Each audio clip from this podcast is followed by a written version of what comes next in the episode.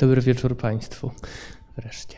E, bardzo mi miło Państwa widzieć. E, bardzo dziękuję, że Państwo zdecydowali się przyjść na ten wykład. E, I też pozdrawiam oczywiście tych z Państwa, którzy, którzy słuchają za pośrednictwem internetu. Muszę powiedzieć, że e, może jest to kwestia tego, że sam jakby zajmuję się zawodowo tym, czym się zajmuję, więc jest to moja praca, ale w związku z tym zawsze jest dla mnie miłym zaskoczeniem, że, że tak dużo osób ma ochotę spędzić wieczór słuchając o tym.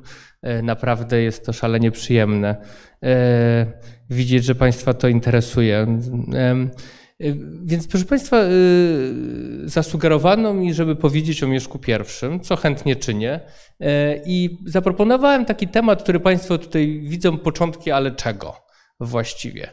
Żeby o tym Mieszku pierwszym nie było tak znowu w sposób oczywisty, zresztą wszyscy byliśmy w szkole, niektórzy jeszcze są w szkole, jak widzę, e, więc e, no, nie będę Państwu mówił rzeczy, które Państwo ze szkoły wiedzą, mam nadzieję. E, zwłaszcza, że jak Państwo zobaczą, i to postaram się jakoś podkreślać, to w ogóle jest tak z tą historią wczesną, z historią średniowiecza, zwłaszcza tego wcześniejszego średniowiecza, że tak naprawdę to, co my wiemy i co nas uczą w szkole, to, to tak naprawdę w dużym stopniu nie wiemy, tylko bardziej się domyślamy, bo mamy bardzo niewiele źródeł i bardzo w gruncie rzeczy wąską, wąską wiedzę, taką pewną, tak? a dużo hipotez. Taka niestety jest specyfika tej, tej pracy, że no, że, że tego materiału, na którym możemy się oprzeć, pewnego jest w gruncie rzeczy bardzo niewiele. A nazwałem to początki, ale, ale czego? Dlatego, że, że oczywiście Mieszko I wszystkim nam się kojarzy z początkami, w takim sensie, że my wszyscy wiemy, prawda, że Mieszko I to jest e, i początek chrześcijaństwa w Polsce, i początek Polski, E, prawda? E, to, to są takie, takie oczywiste rzeczy, można by nawet powiedzieć takie komunały, które nam się od razu z tą postacią e, kojarzą. No i, i chciałem się trochę zastanowić właściwie, co, co one wszystkie znaczą i co się, i co się za nimi faktycznie, faktycznie kryje. A zacząć chciałbym od takiego pytania, czy Mieszko był na początku? To znaczy, czy, czy ta, początek tej historii to jest to jest rzeczywiście, rzeczywiście Mieszko. E, I to jest tak, proszę Państwa, mam na myśli historię, historię może nie Polski, prawda, ale historię rodu Piastów, historię, która doprowadziła do powstania tego, co nazywamy państwem polskim. I to jest, proszę Państwa, tak, że, że kiedy poczytamy źródła historyczne, które mamy, mam tu na myśli przede wszystkim kronikę Gala Anonima, która powstała w wieku XII, czyli na początku wieku XII, no to znaczy, że, że właściwie półtora wieku po, po Mieszku, ale to jest pierwsze źródło, które szerzej opowiada nam historię naszą rodzimą w szerszym zakresie. E, to, to Gal Anonim opowiada nam o, o, o Piaście, o tym jak jak jego syn Siemowit przejął władzę, później jest Lestek, Siemomysł i dopiero na końcu jest Mieszko. Tak? Także tych pokoleń piastów rządzących gdzieś tam w Gnieźnie w Wielkopolsce według Gala Anonima było jeszcze przed Mieszkiem kilka. E, I, e, I, niewątpliwie Gal przekazuje nam takie przekonania, jakie w XII wieku panowały na dworze polskim. I te przekonania, że, że właściwie ten rozwój tego państwa i, i te rządy piastów trwały długo, one w jakimś bardzo długo były dzielone też przez badaczy, przez archeologów przede wszystkim. Jak Państwo pewnie, pewnie e, słyszeli, czy, czy, czy wiedzą, e, w latach 60., czy właściwie w latach 50. i 60. były przeprowadzone bardzo szerokie taki, takie badania, głównie archeologiczne, chociaż nie tylko, pod hasłem badań milenijnych. Oczywiście to miały być badania związane z, z, z tym, co nazywano tysiącleciem państwa polskiego. I y, zresztą badania o wielkich zasługach, tak? znaczy jakby ich owoce różne, zwłaszcza właśnie jeśli chodzi o takie bazowe badania archeologiczne, my z nich korzystamy do dzisiaj. I one rzeczywiście miały taką, właściwie nie wiem czy tezę, ale jakby z tych badań wynikało, że, że ten, te państwo w Wielkopolsce, ten ośrodek państwowy, on się kształtował tak przez pokolenia. Gdzieś tam w wieku IX zaczął, prawda, i powoli, powoli ci piastowie dochodzili do władzy, podbijali nowe tereny. E, i aby wreszcie właśnie w czasach Mieszka dokonać tego, tego zjednoczenia, jak mówiono, ziem polskich, e, obejmującego już całe, całe tereny, no właściwie prawie całe tereny dzisiejszej Polski. Tak? No, oczywiście trzeba sobie zdawać sprawę, że historia, i to bym powiedział, historia średniowiecza jakoś szczególnie jest zawsze, może nie zawsze, ale często jest uwikłana w politykę. E, I trzeba mieć świadomość, że, że ta dyskusja na temat tego długiego trwania piastów na tych terenach, no ona oczywiście miała swoje konotacje polityczne, tak? Badania milenijne, one były w dużym stopniu skierowane na to, żeby no jednak pokazać polskość ziem zachodnich, prawda? E, I żeby pokazać, że rzeczywiście piastowie są stąd. E, no, dlaczego trzeba było pokazać, że piastowie są stąd? Dlatego, że, e, że funkcjonowała też funkcjonowała w nauce teoria, teoria no, nieprzypadkowo popularna, zwłaszcza wśród mediewistów niemieckich, że, e, że Piastowie przybyli i że, że no, pewnie Państwo słyszeli, tak, że na przykład Mieszko był wikingiem, prawda? No w związku z tym oczywiście pokazanie, że Piastowie są stąd i że są stąd od dawna, no ma taki walor legitymizujący, prawda? Oni nie, nie są przybyszami, to są polskie ziemie, prawda? I, y, no ale też, też badania, takie, takie jak najbardziej rzeczowe badania, to właśnie sugerowały. I, I tutaj w gruncie rzeczy w ostatnich, nie wiem, 30 latach, 20 latach nastąpił zupełny przewrót. Zupełny, zupełny przewrót i to zarówno w badaniach historycznych, jak i w badaniach archeologicznych, które nam tą historię i tą odpowiedź na pytanie, czy Mieszko był na początku, pokazuje zupełnie inaczej. To znaczy, jeśli chodzi o badania historyczne, czyli te badania, które za podstawę biorą źródła pisane, to no tutaj największe zasługi ma Jacek Banaszkiewicz, mediewista e, warszawski, chociaż rodem z Poznania, e, który, który w latach, w połowie lat 80. wydał książkę pod tytułem Podanie o piaście i popielu, w którym właśnie tę historię, którą Państwu opowiedziałem, tą historię, którą opisuje Galanonim, która jest zapisem jakiejś tradycji ustnej funkcjonującej, e, funkcjonującej w, e, no właśnie na dworze Bolesława Krzywoustego, poddał pewnej analizie i, i, i, pokazał, że w gruncie rzeczy te postaci tego ojca, dziada, pradziada Mieszka, e, to, to są postaci, których traktowanie jako postaci historyczne jest pewnym nieporozumieniem. To znaczy to, e, Banaszkiewicz pokazał, że to, z czym mamy do czynienia, to jest w gruncie rzeczy legenda dynastyczna. Czyli pewien typ opowieści, która właśnie ma wytłumaczyć, dlaczego ci, co rządzą, rządzą i dlaczego ci, co rządzą, mają prawo rządzić. I Banaszkiewicz pokazał, że te trzy postaci, właśnie ojca, syna, yy, przepraszam, ojca, dziada i pradziada, czyli Siemowita, Lestka i Siemomysła, one w tym opisie Galla odpowiadają pewnym wyobrażeniom o rolach władcy, o różnych funkcjach władcy.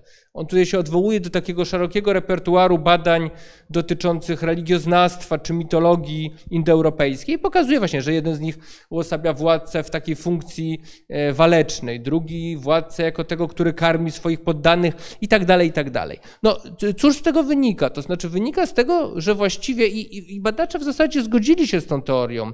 Znaczy w zasadzie e, nie ma już chyba mediewistów, którzy by ten, ten wywód genealogiczny yy, Mieszkał Gala Anonima traktowali z całą powagą. Znaczy, ja nie chcę oczywiście powiedzieć, że Mieszko nie miał ojca, dziada i pradziada, bo z całą pewnością miał, prawda? Ale my o nich nic nie wiemy w gruncie rzeczy. Tak? Jeśli przyjmiemy, że te postaci, które opisuje Gal, to są postaci legendarne, to my o tych postaciach w zasadzie nic nie wiemy. I nie wiemy w związku z tym, czy to oni już rządzili, jak sugeruje Gal, czy to dopiero Mieszko na przykład doszedł do władzy. Tak? To jest, więc, więc to jest jakby jedna zmiana. A druga zmiana dotyczy archeologii. To znaczy ostatnie badania archeologiczne, e, głównie dzięki nowoczesnym metodom, przede wszystkim metodzie datowania C14, nie będę tutaj wchodził w szczegóły, zresztą ja sam nie jestem archeologiem, więc, więc jeszcze bym się skompromitował, bo, bo się po prostu na tym nie znam, e, ale to są metody polegające na, na datowaniu drewna i one umożliwiają dosyć precyzyjną datację no, różnych budynków drewnianych, czy na przykład fragmentów grodów i tak dalej. No i poddano analizie te, te rozmaite grody w Wielkopolsce i okazało się, że w gruncie rzeczy ten okres podbojów mm, na terenie Wielkopolski. Znaczy, wszystko wskazuje na to, że, że Piastowie pochodzili ze wschodniej Wielkopolski. No my to wiemy stąd, że, że gdzieś tam w latach 40. widzimy ślady podbojów na innych ziemiach wielkopolskich. Ślady podbojów, no to wygląda w ten sposób w materiale archeologicznym, że po prostu jest w pewnym momencie warstwa spale, spalenizny, tak? No ktoś ten gród zdobył, spalił, prawda? A potem jest kolejna warstwa już nowa. Często nowy typ budownictwa, tam jest nowy typ grodów. I tak się składa, że gdzieś we wschodniej Wielkopolsce, rzeczywiście w okolicach Gniezna, nie ma tych spalonych grodów, no z czego wniosek, że to właśnie ci z okolic Gniezna podbijali, prawda? Ale generalnie z tych, z tych nowych badań archeologicznych zdaje się wynikać, że ten okres podboju wielkopolskim, na razie mówię tylko o Wielkopolsce, tak naprawdę nie zaczął się wcale, jak sugerowały badania milenijne, tam trzy pokolenia przed Mieszkiem, tylko raczej pokolenie przed Mieszkiem. Tak? Dopiero co, 40, w latach 40. X, X wieku, dobrze mówię, tak, e, czy, czy latach 30., prawda? Czyli to by sugerowało, że Mieszko był w gruncie rzeczy znacznie bliżej początku niż nam się wydawało. To znaczy, że przed nim wcale tak dużo w sensie rządów piastów nie było. Oczywiście to nie znaczy, że w tej Wielkopolsce nic nie było, prawda? Tylko, że, że, że tam po prostu funkcjonowały jakieś, jakieś struktury plemienne, o których my za dużo nie wiemy. I one były osobno, tak? One jeszcze nie były, jeśli mogę tak to ująć, zjednoczone. E, czyli z tego punktu widzenia Mieszko był, tak jak mówię, bliżej początków y, przynajmniej naszej wiedzy niż wcześniej żeśmy sądzili, co nie znaczy, proszę Państwa, że Mieszko był człowiekiem nowym. I tutaj odwołuje się.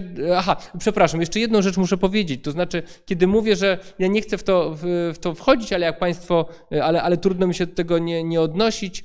Jak Państwo wiedzą, jest taka popularna e, teoria Wielkiej Lechi, która sugeruje, że Mieszko nie był na początku, bo przed nim była wielkie imperium Wielkiej Lechi, które obejmowało, e, obejmowało e, pół Europy mniej więcej. Nie będę do tego się odnosił w szczegółach, powiem tylko, że, że są to generalnie poglądy wyssane z palca i nie mające podstaw źródłowych. Na szczęście już kilku moich kolegów wzięło na siebie tą ciężką pracę przeczytania tych różnych publikacji dotyczących tej teorii i odpowiedzenia na nie fachowo, więc, więc ja, ja na szczęście nie, nie muszę. E, więc to, to jedno chciałbym powiedzieć, żeby to było jasne i myślę, że warto to powtarzać, ponieważ, e, ponieważ ten e, te, tam właśnie nawet trudno nazwać teorią, prawda, ten, ten, ten, taka opowieść o Wielkiej Lechii jakoś grasuje, zwłaszcza w internecie, co zresztą jest zrozumiałe, bo to zawsze miło sobie usłyszeć, że, że kiedyś tam nasi przodkowie tworzyli wielkie imperium. Także ja, jakby ja rozumiem, ten, że, że, to zawsze jest przyjemnie coś takiego e, posłuchać, ale po prostu no niestety nie ma nic wspólnego z prawdą. E, to jest jakby jedna strona, ale kiedy mówię, że Mieszko był człowiekiem nowym, to mogą Państwo z tego wyciągnąć też wniosek, że był nowy w takim sensie, że był przybyszem. I tu chciałbym się odnieść do dwóch, do dwóch takich, takich poglądów. Jeden to jest właśnie pogląd, który już wspomniałem, czyli taka teoria, teoria normańska, prawda, która, która funkcjonowała w nauce właśnie, zwłaszcza w nauce niemieckiej, e, która mówiła, że Mieszko był, był wikingiem. I ona cały czas jakoś tam funkcjonuje, bardziej bym powiedział popularnie niż, niż w nauce. Przepraszam.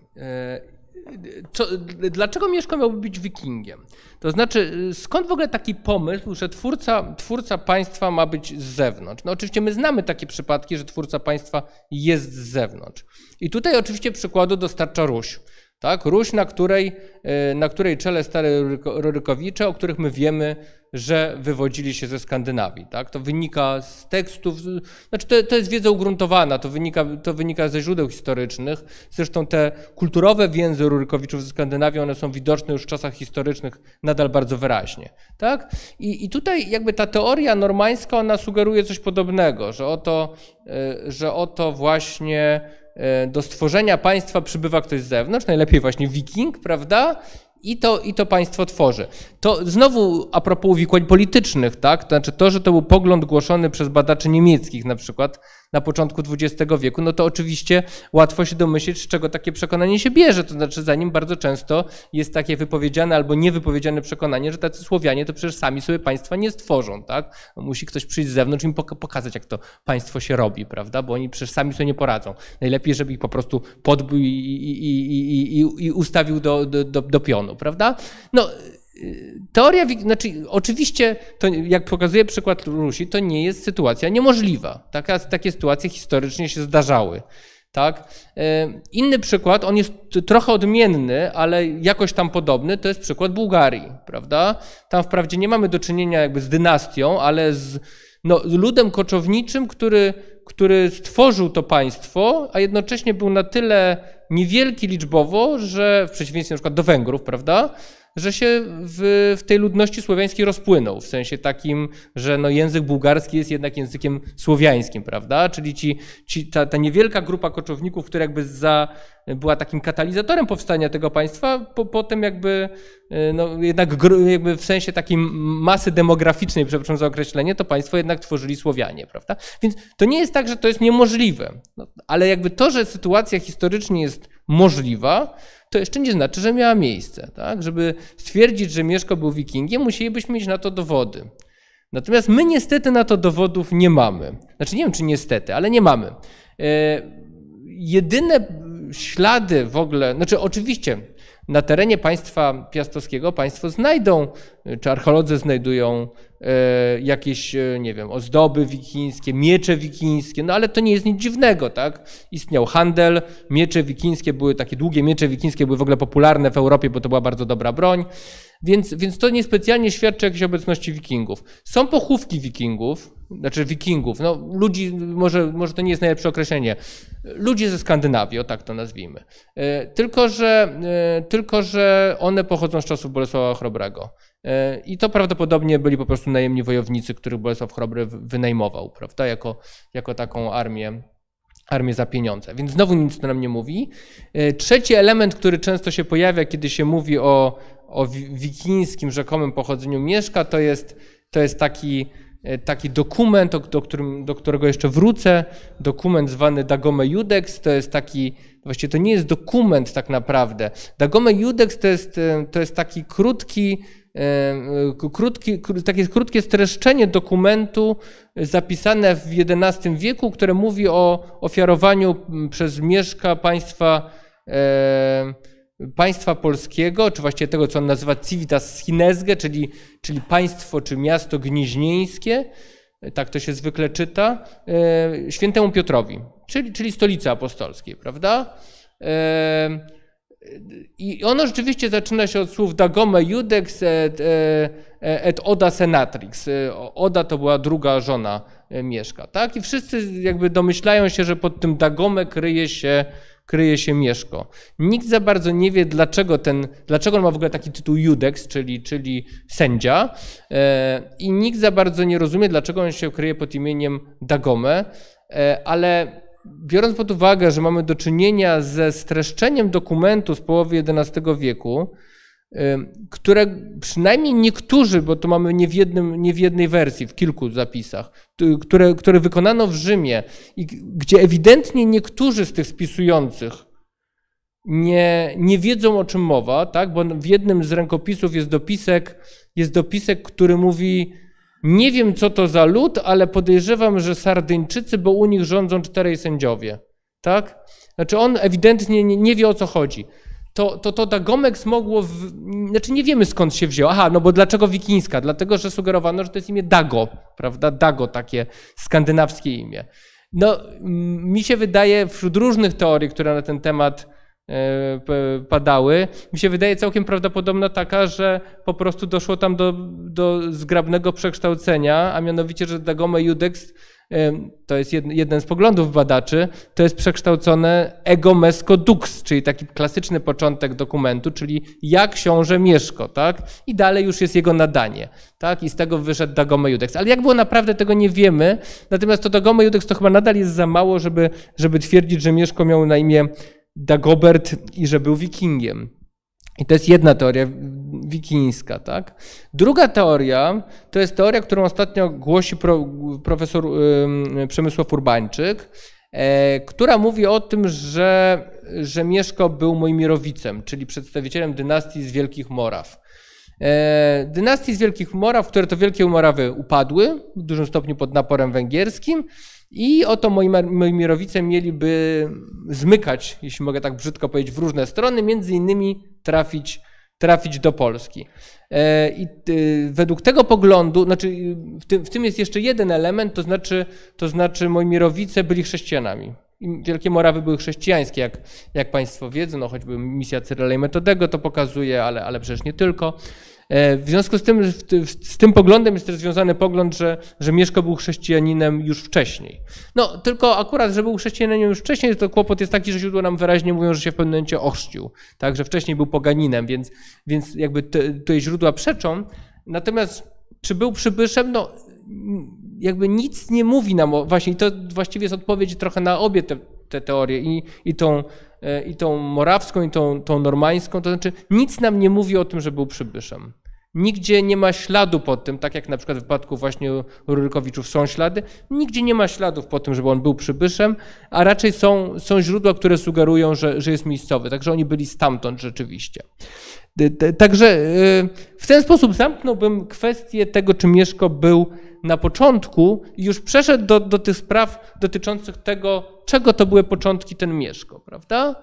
No więc y, dwie właściwie kwestie tutaj są, są takie najważniejsze, to znaczy dwie kwestie nam się, jak, jak mi się wydaje, y, kojarzą od razu z Mieszkiem, jak, jak powiedziałem. Jedno to jest początek chrześcijaństwa, drugie to jest początek Polski.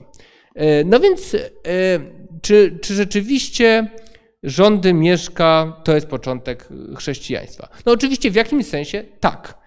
To nie ulega wątpliwości. I to źródła nam jasno mówią, tak, Mieszko był poganinem, ochrzcił się, od tego czasu y, za, zaczęła się chrystianizacja Polski. No, to jest zresztą moment, o którym często się mówi, tradycyjnie się mówi, jako o chrzcie Polski. Oczywiście historycy często się krzywią na to określenie, bo, no bo oczywiście to był chrzest Mieszka, a nie, a nie Polski. Chrzest w ogóle, chrzci się w ogóle ludzi, a nie, a nie kraje. No ale oczywiście rozumiemy, że to pojęcie chrzest Polski ma, no, jeśli je potraktować metaforycznie, no to ono ma pewien, pewien sens, tak? To znaczy w tym sensie, że jest to rzeczywiście moment, kiedy, kiedy ta, ta konwersja miała, E, miała, miała miejsce.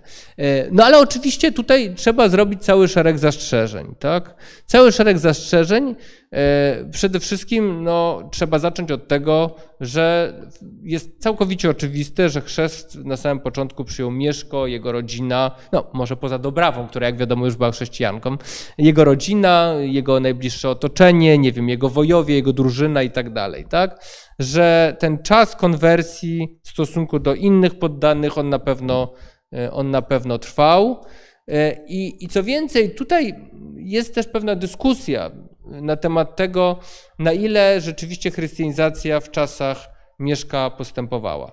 Znaczy, z jednej strony trzeba powiedzieć, że kiedy spojrzymy na nasze źródła historyczne i to, jak one mówią o, nie wiem, tworzeniu organizacji kościelnej, tak, na przykład sieci biskupstw, i, w ogóle rozwoju tej religii, czy wprowadzeniu chrześcijańskiego prawa i tak dalej, to, to rzeczywiście, i to mam na myśli także źródła dosyć właściwie współczesne, czyli kronikę Titmara z Merseburga, niemiecką kronikę, która jest współczesna Bolesławowi Chrobremu, to one zwykle mówią o czasach Bolesława Chrobrego. Prawda? Jak wszyscy wiemy, arcybiskupstwo, było biskupstwo w Poznaniu, ale arcybiskupstwo gnieźnieńskie, ta sieć biskupstw mu podległych, powstało dopiero na zjeździe gnieźnieńskim w roku 1000, czyli za Bolesława Chrobrego. Tak? E, to właśnie to Titmar nam mówi, że to, że, to Bolesław, że to za Bolesława Chrobrego panowały chrześcijańskie prawa w Polsce i tak dalej, i tak dalej. Podkreśla się pod, jakby ta, ta, to przekonanie o zasługach, zasługach Bolesława Chrobrego dla wprowadzania religii, ono było znane, my wiemy w źródłach niemieckich, że, że Bolesław Chrobry funkcjonował w kręgach elit niemieckich jako ten, e, niedługo po swojej śmierci, jako ten, który, to jest taki list, list do jego syna Mieszka II od Matyldy Szwabskiej, E, takiej księżnej mm, arystokratki związanej z opozycją antycesarską i z tego listu wynika ewidentnie, że ona jakby myśli, przywołuje Mieszkowi II jako przykład jego ojca i mówi, to jest ten, ten twój ojciec, który prawda tutaj, tutaj dbał o chrystianizację ludów, prawda i tak dalej. Czyli jakby bardzo mocno tak naprawdę chrystianizacja jest kojarzona z, z postacią e, Bolesława Chrobrego. E, to się zmienia z czasem. To znaczy, jak Państwo wezmą źródła późnośredniowieczne, no choćby Jana Długosza, to on już chce tą chrystianizację zacząć wcześniej. I jak Państwo wezmą to, co Długosz pisze o, na przykład o historii różnych biskupstw, to, to się Państwo dowiedzą o biskup, biskupach e, gnieźnieńskich. Pierwszym był święty Wojciech według, e, według e, Jana Długosza i nie tylko jego. chociaż w rzeczywistości arcybiskupstwo powstało po jego śmierci, ale dowiedzą się Państwo o biskupach, nie wiem, płockich czy krakowskich z okresu przed rokiem tysięcznym, kiedy to biskupstwa z całą pewnością nie istniały. Ale Jan Długosz miał potrzebę, żeby pokazać ten, ten, tę historię instytucji już od samych, samych początków. E, czyli w tych późniejszych źródłach rzeczywiście Mieszko jest pokazywany jako chrystianizator. E, jest dyskusja wśród archeologów, do której znowu mam pewien kłopot się odnieść, bo, bo, bo, bo trudno mi dyskutować ze specjalistami na temat tego, znaczy w materiale archeologicznym, jak to wygląda od strony archeologicznej. I rzeczywiście są badacze, którzy sugerują, że, że tak naprawdę poza, poza jednym kościołem w Poznaniu wszystkie pozostałe pozostałości właśnie kościołów czy chrześcijańskich pochówków pochodzą z czasów Bolesława Chrobrego. Czyli to mogłoby sugerować, to, i właśnie to profesor Urbańczyk na coś takiego sugerował, że Mieszko specjalnie zaangażowany w tę chrystianizację e, nie był. E, czyli w tym sensie można by powiedzieć, że e, początek chrześcijaństwa w Polsce i Mieszko nie, nie do końca, prawda? Ale ja myślę, że na to można by spojrzeć z drugiej strony, to znaczy jest też rzeczą naturalną, że, że, że był to długotrwały proces, tak? I, i brak, brak pewnych śladów y, w początkowym okresie, jeśli rzeczywiście tak jest, bo archeolodzy nie mają tej zgodności, on niekoniecznie musi świadczyć, że tego typu wysiłków chrystianizacyjnych nie było. A że Mieszko, a że Mieszko y, był chrystianizatorem, to ja mówiąc szczerze raczej nie mam wątpliwości, chociaż nie mam do tego źródeł. Y, ale nie mam co do tego wątpliwości z przyczyn no, kiedy historycy wczesnego średniowiecza nie wiedzą, nie wiedzą, co zrobić, bo nie mają źródeł, to używają metody komparatystycznej. To znaczy patrzą, jak to było gdzie indziej. I wychodzą z założenia, że u nas prawdopodobnie jednak było podobnie. Oczywiście mogło być inaczej, to jest ryzyko tej metody, ale zwykle zakładamy, że jednak było, e, było podobnie. E, I kiedy popatrzymy na, na to, jak wygląda chrystianizacja w innych krajach, czy konwersja innych krajów, to, to okazuje się, że mm, we wcześniejszym średniowieczu funkcjonowało bardzo mocne przekonanie o tym, że zmiana religii jest zmianą o charakterze społecznym. To nie jest zmiana indywidualna. My mamy bardzo niewiele przykładów z wcześniejszego średniowiecza indywidualnych konwersji. No, poza indywidualnymi konwersjami władcy, która pociąga za sobą konwersję poddanych. Ale takie, że po prostu no, ktoś tam sobie, prawda, jakiś, przepraszam za określenie, iksiński członek plemienia zostaje nagle chrześcijaninem. To jest w zasadzie z punktu widzenia mentalności wczesnośredniowiecznej, zarówno pogańskiej, jak i chrześcijańskiej, niemożliwe. Dlatego, że o religii myśli się jako o części pewnego porządku społecznego. E, porządku społecznego, który obowiązuje wszystkich, to znaczy przede wszystkim prawo jest religijne z zasady, tak? bo ono, ma legitymi, e, ono jest legitymizowane za pomocą religii. Tak? Czy to będzie religia pogańska, gdzie będzie się mówiło o tym, że to prawo, to, że, że, że władca pochodzi od Odyna, a prawo się ustanawia na świętym wiecu, czy to będzie religia chrześcijańska, gdzie to prawo będzie pochodziło od Boga, prawda? I władca będzie pochodził od Boga. Jest przekonanie, że prawo jest... Aha, no i oczywiście to prawo też sankcjonuje różne kwestie religijne, tak? Y, zarówno prawo chrześcijańskie, jak i prawo pogańskie, no, mówi, że za takie a takie wykroczenia religijne grożą takie a takie kary.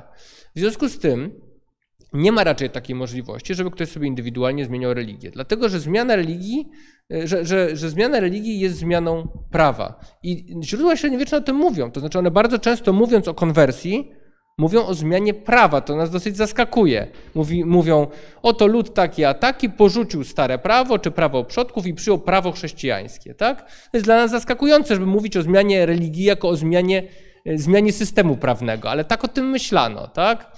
A jednocześnie nie ma takiej możliwości, żeby ktoś wyłamywał się z prawa, dlatego że prawo jest też w średniowieczu podstawą tożsamości. To znaczy, przynależność do plemienia, do ludu jakiegoś opiera się na prawie, tak? Kiedy popatrzą Państwo na przykład na, nie wiem, Europę Zachodnią, ten moment, kiedy, nie wiem, są w Galii Frankowie, ale są też przecież ludzie, którzy, którzy pozostali tam po Imperium Rzymskim, to na pytanie, kto, kto jest Frankiem, odpowiedź jest bardzo prosta. Ten, kto żyje według prawa Franków. Kto jest Rzymianinem? Ten, kto żyje według prawa rzymskiego. Kto jest Longobardem? Ten, kto żyje według prawa Longobardów. No więc można pójść dalej. Kto jest poganinem? Ten, kto żyje według prawa pogan. Kto jest chrześcijaninem? Ten, kto żyje według prawa chrześcijańskiego. Tak? Więc to jest pewien paradoks. To znaczy, jeśli pomyśleć o zmianie religii jako o zmianie prawa, czyli w tych kategoriach, w których oni myślano wówczas, to można by powiedzieć, że konwersja dokonała się błyskawicznie. Tak? Ponieważ z całą pewnością, i to jest, to jest właśnie też ten element, który, w który ja nie wierzę, to znaczy ja nie wierzę, że Mieszko nie wprowadził chrześcijańskiego prawa w jakimś sensie, tak? Bo to była naturalna rzecz, którą powinien zrobić po konwersji. I w, związku z tym można powiedzieć, że wszyscy jego poddani żyjący pod tym prawem, być może nawet tego nie wiedząc, być może nawet nie doświadczając sakramentu chrztu, w jakimś sensie, choć wiem, że z punktu widzenia religijnego jest to paradoks powiedzieć, że ktoś został chrześcijaninem, chrześcijaninem nie będąc ochrzczonym, ale w jakimś sensie stawali się chrześcijanami, chcąc tego lub nie, dlatego że żyli według chrześcijańskiego prawa, prawda? A dlaczego uważam, że Mieszko musiał to zrobić? Dlatego, że znowu przykłady, y, ponieważ o religii myślano społecznie, to z tego samego powodu, jak mogą się Państwo, mogą sobie Państwo to wyobrazić, sytuacja, w której władca wyznaje jedną religię, a jego poddani wyznają inną religię, jest bardzo trudna. Z przyczyn praktycznych, z przyczyn symbolicznych, tak? Dlatego, że to jest właśnie pewnego rodzaju rozłam, tak? O, o, tym myślano jako rozłamie. To zresztą nie musi być władca, to może być lud. My mamy taki przykład w postaci, w postaci opowieści o nawróceniu Islandczyków. Na Islandii panowała taka, taka, mówię to w dużym cudzysłowie, demokracja. To znaczy tam powiedzmy macki króla norweskiego sięgały tak sobie, Islandczycy zasadniczo rządzili się sami. I tam w pewnym momencie też na zebraniu ludowym padło pytanie o, czy my przechodzimy na chrześcijaństwo. No i powstały dwie frakcje, jedna mówi przechodzimy, druga mówi nie przechodzimy. To mówi ktoś, to, to, to dobrze, to ci, co chcą, niech przechodzą, ci, co nie chcą, niech nie przechodzą. Wtedy ktoś mówi zaraz, zaraz ale wtedy to my już nie będziemy jednym ludem. Wtedy będziemy dwoma ludami i wtedy będziemy ciągle ze sobą walczyć. Czyli to jest rzeczywiście, to jest sytuacja rozłamu. To nie jest tak, że my w średniowieczu y, nie znamy przykładów sytuacji, w której władca miałby inne wyznanie niż jego poddani. Ale to są zwykle sytuacje krótkotrwałe i one świadczą jeszcze o jednym. Na przykład tak jest w wypadku władców szwedzkich niektórych. To prawie zawsze są sytuacje, kiedy po prostu ten władca jest za słaby. Tak? Jest nawet taki pogląd, który wyraził Roman Michałowski, że konwersja w średniowieczu udaje się tam, gdzie uda się nawrócić władcę i gdzie ten władca jest dość silny, żeby tę konwersję narzucić innym.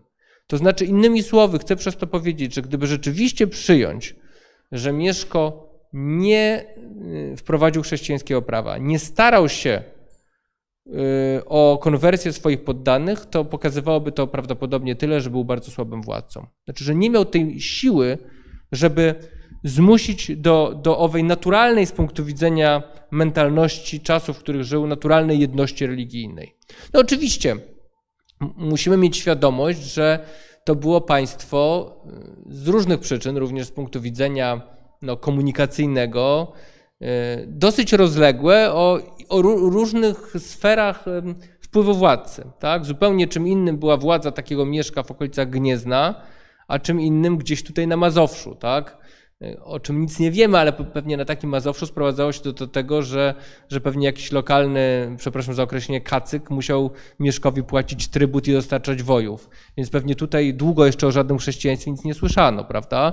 Więc to na pewno różnie wyglądało w różnych miejscach, ale oczywiście tak daleko, jak ta władza Mieszka sięgała i w takim stopniu, w jakim ona sięgała, myślę, że jednak do, y, do tego typu działań E, no, prowadzących do chrześcijaństwa, czy przymuszających do chrześcijaństwa, e, co, co, tak jak mówię, było czymś całkowicie naturalnym dla, dla tej epoki. Nie uchodziło za, za coś e, za coś wątpliwego etycznie, że się kogoś zmusza. Znaczy, może nawet nie tyle, że się kogoś zmusza do chrześcijaństwa, to akurat budziło wątpliwości, ale jak już ktoś był ochrzczony, E, to już potem przymuszać go, żeby żył jak chrześcijanin i nie rezygnował z religii, to już właściwie było dopuszczalne. E, co więcej, e, my wiemy, że w dużym stopniu myślano o władcy jako o tym, kogo, którego obowiązkiem jest dbać o to, żeby poddani byli chrześcijanami, żeby dbać o to, żeby dostąpili zbawienia i tak dalej, i tak dalej. Więc, więc w tym sensie e, oczywiście E, z pewnymi zastrzeżeniami można powiedzieć, że, że Mieszko to, to jest początek chrześcijaństwa. No, oczywiście jest jeszcze to drugie pytanie, tak? Czy Mieszko to są, e, to są początki Polski, prawda? No i tu oczywiście trzeba by się sobie zadać pytanie, co to właściwie ma znaczyć Polski, prawda? Oczywiście jak spojrzymy na mapę państwa, państwa Mieszka, taką, tak, tak jak ono, ono wygląda e, według opisów, no to ono się pokrywa z tą Polską, którą znamy. Jeszcze do tego wrócę. E, ale, ale zacznę od, od, od wątpliwości właśnie, żeby nie było tak, tak łatwo. To czy pierwsza wątpliwość, która powstaje, to czy rzeczywiście polski. I tutaj e, nie wiem, czy Państwo mają tego świadomość, ale nazwa Polska w źródłach z czasów Mieszka, czy odnoszących się do czasów Mieszka, w ogóle nie, nie, nie występuje. To jest y, dosyć dla nas za, zaskakujące, ale Mieszko w rozmaitych tekstach jest nazywany w różny sposób. W jednym z tekstów jest nazywany Dux Vandalorum, tak? czyli książę Wandali. To długa tradycja nazywania niektórych ludów Wandalami.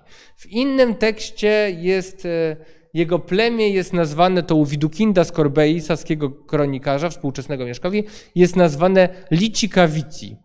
I nikt nie wie, od czego są ci Licikawici, chociaż, e, chociaż są na ten temat różne, różne dywagacje. Natomiast nazwa Polska czy, czy, e, czy e, Polacy nie występuje. Ona po, ona po raz pierwszy się pojawia tuż przed rokiem tysięcznym w pierwszym żywocie świętego Wojciecha w odniesieniu do Bolesława gdzie Bolesław, czy Chrobry, jest nazwany Dux Palanorum, czyli właściwie nawet nie o nim mowa, tylko o, e, o jego, o, znaczy nie o państwie mowa właściwie, tylko o księciu. E, to zresztą nawiasem mówiąc, nie wiem czy Państwo mają tego świadomość, również plemię Polan. To jest to, ta nazwa Polanie, ona jest całkowicie historyczna, to znaczy on nigdzie nie pojawiają się żadni Polanie w żadnym źródle. Znaczy my zakładamy, że jacyś ludzie, jakieś plemię w Wielkopolsce było, ale że ono się nazywa Polanie, to, to wnioskujemy tylko z tego właśnie tego tekstu, który przed chwilą przywołałem i wszystkich kolejnych, gdzie nazwa Polska już pada, ale czy te źródła mają na myśli rzeczywiście Wielkopolskę, tak, i tych Polan, czy już, czy już cały ten obszar podbity, to nie jest do końca, do końca jasne. Tak? No ale jakby abstrahując od, od, od nazwy, oczywiście można powiedzieć, że, że Mieszko jest tym, który tworzy ten byt, tak? Mówię byt, dlatego że też określenie tego państwem jest, też jest kontrowersyjne, ponieważ no, jest wielu badaczy, którzy kontestują określenia, u, używanie dla tego okresu określeń państwo, mówiąc, że, że państwo to jest pewien byt o pewnej takiej zorganizowanej bardzo strukturze organizacyjne i to, co dzieje się w takim wczesnym średniowieczu, nie do końca temu odpowiada, ale mniejsza o to, tak? Znaczy, tak, żeby tylko, tylko powiedzieć o co chodzi, są na przykład badacze, którzy sugerują, że tego typu twory należałoby nazywać wzorem badań antropologicznych, nie wiem, nad Afryką wodzostwami, tak? Że tak naprawdę to są systemy wodzowskie, bardziej niż zinstytucjonalizowane państwa. Ale nie w tym rzecz, tak? No niewątpliwie jakby y, to, co Mieszko zaczyna tworzyć, to jest to, co później staje się Polską, mówiąc już tak najostrożniej, z jednej strony, a z drugiej strony w Polsce, tak, już funkcjonującej w średniowieczu i później, w pamięci historycznej on jest tym, który to zaczyna tworzyć. Czyli w tym sensie Mieszko jest, to są początki Polski, tak? Tylko trzeba sobie uświadomić oczywiście jedną rzecz. Kiedy mówiłem o badaniach milenijnych, mówiłem o Mieszku jako o, o, tym, który zjednoczył plemiona polskie. To jest popularne określenie, które pewnie jeszcze w podręcznikach szkolnych czasami można znaleźć, jako Mieszku, który jednoczy plemiona polskie, tak? Tylko co to właściwie znaczy? To znaczy za tym zdaniem kryje się takie przekonanie, że są jacyś protopolacy, prawda, których wystarczy tylko zjednoczyć i oni jakby dochodzą do swojego naturalnego stanu, jak, jak jest owa polskość, tak? Już abstrahuję, co to w ogóle znaczy polskość w XI czy XII wieku, tak? To jest oczywiste, że te kategorie narodowe jeszcze wówczas nie, nie funkcjonują. E, tymczasem jakby trzeba sobie uświadomić, że to raczej działa chyba w drugą stronę, to znaczy, że późniejszymi Polakami stali się ci, których podbił Mieszko, a nie na odwrót, prawda? Czyli pewnie można by zaryzykować tezę, chociaż, chociaż historia generalnie nie lubi tego typu e, właśnie dywagacji w rodzaju historii alternatywnej, ale że gdyby, nie wiem, mieszkał, podbił również tereny Słowacji, tak, to prawdopodobnie tam też by byli Polacy, tak, bo to jakby Polacy, to, to tak jak mówię, to jakby to on stworzył, czy on, on i późniejsi władcy stworzyli Polaków, a, a, nie na odwrót. I oczywiście trzeba w tym, w tym określeniu zjednoczenie jest jeszcze jedna, tak, jeden taki haczyk, to znaczy, że to bardzo ładnie brzmi zjednoczenie, ale kiedy ja Państwu mówiłem o o tym, jak to działo się w Wielkopolsce, no wszystko wskazuje na to, że w innych regionach działo się tak samo. Znaczy to nie było żadne zjednoczenie pokojowe, tak? że tam ktoś że Mieszko przekonał innych, że są Polakami i powinniśmy iść razem, tak? Znaczy to był twardy podbój. To był twardy podbój. My mamy tego ślady w materiale archeologicznym właśnie w postaci zniszczonych grodów. My mamy ślady, nie wiem, w Sandomierzu prawdopodobnie był, jeśli mogę użyć takiego może niezbyt pasującego do epoki określenia, określenia garnizon, tak, z Wielkopolski, który pilnował różnych rzeczy. My wiemy, że, że Mieszko, e, znaczy wiemy, no wszystko na to wskazuje, że Mieszko na masową skalę finansował ten podbój z handlu niewolnikami. Ci niewolnicy to właśnie przecież byli, byli ci nieszczęśnicy, którzy, którzy mieli pecha być w tych podbijanych obszarach. Tak? Także, także to zjednoczenie brzmi bardzo ładnie, ale w gruncie rzeczy jakby trzeba mieć świadomość, że, że zgodnie bym powiedział z, z duchem epoki, a może po prostu zgodnie z, z realpolitik po prostu funkcjonującą, funkcjonującą trochę zawsze, chociaż może nie brzmi to zbyt optymistycznie. E, e, to, to był po prostu twardy podbój, który doprowadził do, do, do powstania pewnego tworu, który później stał się, stał się Polską. E, oczywiście, tak jak mówię, z całą pewnością w czasach Mieszka E, to było takie państwo, no, które można sobie trochę wyobrazić jak, e, e, no, no nie wiem, jak tak, tak, taką, takie fale rozchodzące się po, po rzucie kamieniem w wodę, prawda? To znaczy, że, że jest to twarde jądro i im dalej, prawda, tym te fale się robią, oczywiście nie musi być zawsze dalej geograficznie, że do pewnego stopnia tak, tym one stają się słabsze, czyli po prostu ten wpływ tej, tej centrali E, ten, ten centrali jest coraz słabszy, e, możliwości działania władcy są coraz słabsze i tak dalej, e, i tak dalej. No ale, ale właśnie, jak, jak, jak już mówiłem, w gruncie rzeczy, jak spojrzymy na to, co E, co wiemy o, o, kształcie tego państwa e, z różnych źródeł, przede wszystkim właśnie z owego opisu w tym, w tym tajemniczym dokumencie Dagobe Judex, gdzie w ramach tego ofiarowywania państwa świętemu Piotrowi jest opisane, jak to państwo wygląda, no to rzeczywiście tam jest opisane, tak, że od Gniezna do Bałtyku, potem, znaczy tam nie jest powiedziane Bałtyk, ale do morza, potem wzdłuż morza, do Prus, z Prus do Rusi, później z Rusi koło Krakowa, tam nie jest jasne, czy Kraków jest po tej stronie granicy, czy po tamtej, potem gdzieś do Łomuńca i potem znowu do Gniezna. No, jak, jak się to przeczyta, to rzeczywiście wychodzi na to, że, yy, że to państwo, yy, no plus mamy takie wiadomości, jak, jak to, że, że Mieszko podbił Śląsk, że, e, że w 981 roku, to jest z kolei wiadomość z, ze źródeł ruskich, Włodzimierz się wyprawił na Lachów, czyli ta granica i, i, tam zabrał ziemię pewne, czyli ta granica z, z Rusią też funkcjonowała, tak? No to rzeczywiście wygląda na to, że to państwo i, i też nic dziwnego, że, że w PRL-u się do niego odwoływano tak chętnie, ono rzeczywiście granicami, no może oczywiście poza dzisiejszą Warmią i Mazurami, i, i pewnie jakimiś tam terenami Podlasia, dosyć dobrze odpowiada dzisiejszemu kształtowi Polski, prawda? Y, nie do końca też dlatego, że, że Mieszko miał wyraźne ambicje, to, to my widzimy y, związane z takimi obszarami tam Dolnej, Wis, Dolnej Odry, przepraszam, tam ewidentnie, ewidentnie te tereny były jego zainteresowaniem, e, były obszarem jego zainteresowania, także po drugiej stronie Odry, e, no to nie są oczywiście obecnie obszary polskie, ale tak czy inaczej rzeczywiście, rzeczywiście ten kształt jakoś tam współczesnej Polsce, czy takiej Polsce, jaka funkcjonuje od II e, wojny światowej, odpowiadają, więc, więc, więc w tym sensie oczywiście tym prościej jest powiedzieć o o Mieszku jako o, e, o początkach, e, o, o, o, o tym, który stoi u początków e, Polski, taki jaką, jaką znamy. No i jest jeszcze jeden aspekt, o którym, o którym można by na koniec, żeby już, żeby już przesadnie nie przedłużać, powiedzieć, a mianowicie coś, co można by trochę górnolotnie i może trochę na wyrost nazwać e, e, naszymi początkami w Europie. Tak? Ja o tym mówię z pewnym przybrużeniem oka, bo jakby zdaję sobie sprawę, że takie hasło, prawda, że tam wtedy mm, włączyliśmy się do Europy, no to jest tro, trochę brzmi jak, jak slogan polityczny, więc proszę to traktować właśnie mo, może niedosłownie, ale jest niewątpliwie tak, że, że Mieszko to jest ten, który po raz pierwszy y, wchodzi na, no, na karty historii, po pierwsze, to jest też istotne. I w jakimś sensie, jeśli mogę użyć takiego określenia, na, na, salony, na salony Europy. E, tu oczywiście decydujące znaczenie ma, ma chrzest. E, przy czym, żeby było jasne, to nie jest tak, że że nie ma takiej możliwości, żeby chrześcijanie i poganie byli w jakimś sojuszu. To się zdarza. Tak? Z przyczyn taktycznych to się zdarza. To jest znowu, bym powiedział, twarda realpolitik.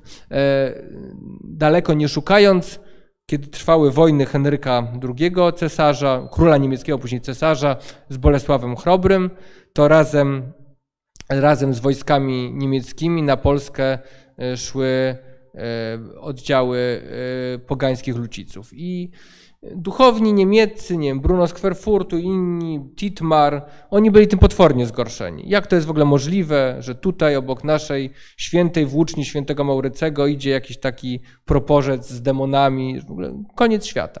No ale tak, ale tak to wyglądało, tak? Znaczy, to nie jest tak, że, że z przyczyn, z przyczyn, bym powiedział, dla wyższych wartości taki sojusz był niemożliwy.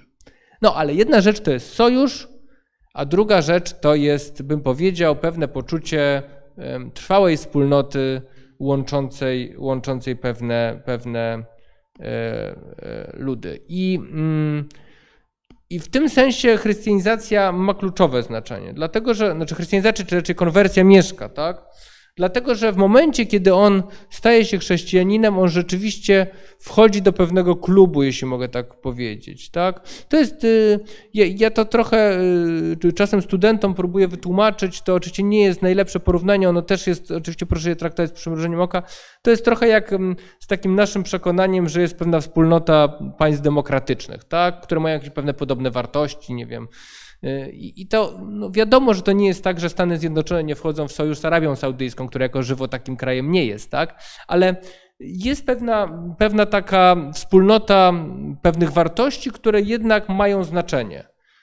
Mają znaczenie w tym sensie, że, no, no, że właśnie mają poczucie, że my jesteśmy jednym światem, tak? że my jesteśmy jednym światem. I chyba takie znaczenie właśnie miało, mia, miała ta, ta chrystianizacja ta chrystianizacja, mm, czy ta konwersja mieszka. Jest zresztą na ten temat dobra anegdota y, ze źródła, żeby nie było, y, chociaż nie dotycząca Polski, jak to wygląda w praktyce, a mianowicie y, w powstającej pod koniec X wieku w Czechach legendzie Krystiana, taki, taki żywot świętego, świętego Wacława, jest opowieść o tym, jak się nawrócił Bożywój, czyli pierwszy przemyślida, pierwszy czeski, czyli, czyli pierwszy z, z dynastii czeskiej Przemyślidów. I tam jest właśnie taka opowieść, że on się nawrócił na dworze Świętopełka Wielkomorawskiego. Czechy podlegały pod Wielkie Morawy. Tu zresztą dobry przykład na to, że właśnie e, mimo, że Wielkie Morawy były chrześcijańskie, to jakoś, jakoś ich poddanym i sojusznikiem mógł być Bożywój, który był poganinem. I opowieść jest o tym, cała opowieść mm, jest, y, oczywiście ma, ma tłumaczyć, jak to się stało, ale opowieść jest o tym, że kiedy, że kiedy do y, Bożywój trafił pewnego razu na dwór Świętopełka, no tam załatwiono z nim różne ważne sprawy, tam i, i tak dalej, y, jak to z sojusznikiem i poddanym w jakimś sensie. A potem przyszło do uczty i wtedy mu powiedziano, to oczywiście jest tylko taka, taka figura, ale, ale myślę, że coś mówiąca, że teraz jest uczta i on ma usiąść na podłodze i jeść ze sługami bo przy stole to jedzą chrześcijanie. Tak? To, to, oczywiście jest symboliczne, tak? dlatego że ta uczta, uczta w średniowieczu była do, dopuszczenie do kogoś do stołu, trochę zresztą jak dzisiaj pewnie, ma takie znaczenie symboliczne dopuszczenia do wspólnoty. Tak? To oczywiście chodzi, w całej historii oczywiście chodzi o to, że, żeby pokazać, jak bardzo upokorzony był Bożywój i to był taki, taki, taki bezpośredni motyw, że on pomyślał sobie, no właściwie święty metody mu podpowiedział, że to może warto się nawrócić, prawda? Ale myślę, że to pokazuje pewną, e, pewien sposób myślenia, tak? że nawet ktoś, z kim się, y, mówiąc, y, mm, mówiąc brzydko, załatwia interesy, y, to, to niekoniecznie jest jeden z nas, prawda? To, to trochę tak jak wiecie Państwo, no daleko nie szukając, znaczy właśnie daleko szukając, no na takim, nie wiem, szlacheckim dworze E, przedrozbiorowym. Oczywiście wiadomo, że nie wiem, z arendarzem karczmy Żydem trzeba było załatwiać interesy, no ale przecież je załatwiało e, w, nie wiem, w jakimś tam przedsionku, nikt go nie zapraszał do stołu, no bo właśnie było przekonanie, że jednak nie jesteśmy równi sobie, prawda? Nie jesteśmy razem, możemy załatwiać interesy, ale to jeszcze nie jest powód, żebyśmy, żebyśmy jakoś, e, jakoś wchodzili w jedną wspólnotę, prawda? I to jest, to jest podobny sposób myślenia. Więc, więc w tym sensie ta, ta konwersja ona jest ważna. Drugi element, i, aha, i, i, i to, to jeszcze to, drugi element, który, który Mieszko, w którym Mieszko w jakimś sensie wchodzi do Europy, jeśli mogę tak powiedzieć, no to jest, to jest swego rodzaju wejście w niemiecką politykę. Dlatego, że trzeba mieć świadomość, że czy nam się to podoba, czy nie, w okresie Mieszka, Bolesława, także kolejnych piastów, by to, ta, ta relacja, która jest między władcą Polski a władcami niemieckimi, królami niemieckimi, którzy zostają cesarzami jeden po drugim oczywiście, e, rzymskimi, e, no jest jasne, że to jest relacja, która nie jest relacją równą, że jest tu jakiś rodzaj zależności. Ona nie jest łatwa do uchwycenia, ale też jak patrzymy na, na funkcjonowanie właśnie Mieszka i Bolesława w w Rzeszy Niemieckiej, to oni w jakimś sensie funkcjonują jako tacy, tacy jej uczestnicy tej polityki wewnętrznej Rzeszy. Trochę zewnętrzni, trochę wewnętrzni. Y, to są różne stopnie, na przykład władca Czech jeszcze bardziej jest wewnętrzny niż zewnętrzny, tak? ale chodzi o to, że oni wchodzą na przykład w małżeństwa z arystokracją niemiecką. Już raczej nie z dworem, to nie jest właśnie ten poziom. Tak? E są sojusznikami e, i, e, i Mieszko jest pierwszym, który wchodzi w taką rolę. To znaczy, pierwszy raz on zostaje nazwany właśnie przez Widukinda, tego, który o nim mówi jako władcy owych lici kawici, jest nazwany amicus imperatoris, czyli przyjaciel cesarza. No, przyjaciel to zresztą nie znaczy bynajmniej, że tam kumpel, tylko no, to znaczy pewien sojusz polityczny, niekoniecznie równy, tak? ale taki w każdym razie, że obie strony się, się szanują, e, mówiąc tak w pewnym uproszczeniu. Nie jest zresztą jasne, czy ten tytuł amicus imperatoris, to a propos tego, co mówiłem wcześniej, czy to jest tytuł, który on jest mu przypisany, kiedy jeszcze jest poganinem, czy już jest chrześcijaninem. Ale to jest, to jest taki pierwszy moment, wejścia w tę politykę. A drugi, bardzo mocny w przypadku Mieszka, to jest małżeństwo z Odą, czyli drugą, drugą żoną Mieszka, która jest córką Teodoryka. Teodoryk jest margrabią Marki Północnej, jest, jeśli mogę tak, tak to nieładnie określić, jest człowiekiem y, cesarza od spraw wschodnich. Tak? I on, jakby ten, to małżeństwo z jego córką jest ewidentnie takim takim no, wciągnięciem mieszka w tę wschodnią flankę, przepraszam za określenie, może trochę współczesne, we wschodnią flankę Rzeszy, jakby powiedzenie, ty też odpowiadasz za tę sprawę i zresztą później po śmierci, po śmierci Teodoryka, kiedy tam następuje pewna dezintegracja te, tego, tego terenu, którym on rządził, jest, jest jedno źródło, które zresztą określa źródło nekrologiczne, czyli takie wspomnienie na marginesie kalendarza o Mieszku, które mówi o Mieszku dux et marchio, czyli używa na niego, na niego tego określenia marchio, czyli margrabia, tak? Tak jakby on jakby również miał tego typu władzę. Niektórzy nawet sugerują, że po prostu miał tą władzę po Teodoryku, czyli taką władzę kogoś, kto gdzieś na granicy imperium, gdzieś na granicy Rzeszy, włada pewnymi terenami granicznymi, ale jednak jest zależny, tak? Czyli tu jest, jest taki, mm, taki, mm, taki element yy, taki element e, e, no, y, funkcjonowania w tej polityce Rzeszy. Ale taka, taka trzecia, taki trzeci element, w którym mogę powiedzieć, że Mieszko, mówiąc górnolotnie, staje się Europejczykiem, to jest, e, to jest ten moment, kiedy Mieszko zaczyna mówić po europejsku. To znaczy mówić po europejsku, znaczy używać języka polityki takiego, jakim jest on w Europie. A jaki on jest w Europie? On jest przede wszystkim religijny. Tak? To jest język religijny, Y, język, y, w którym, y, w którym pewne gesty religijne mają znaczenie polityczne. Tak?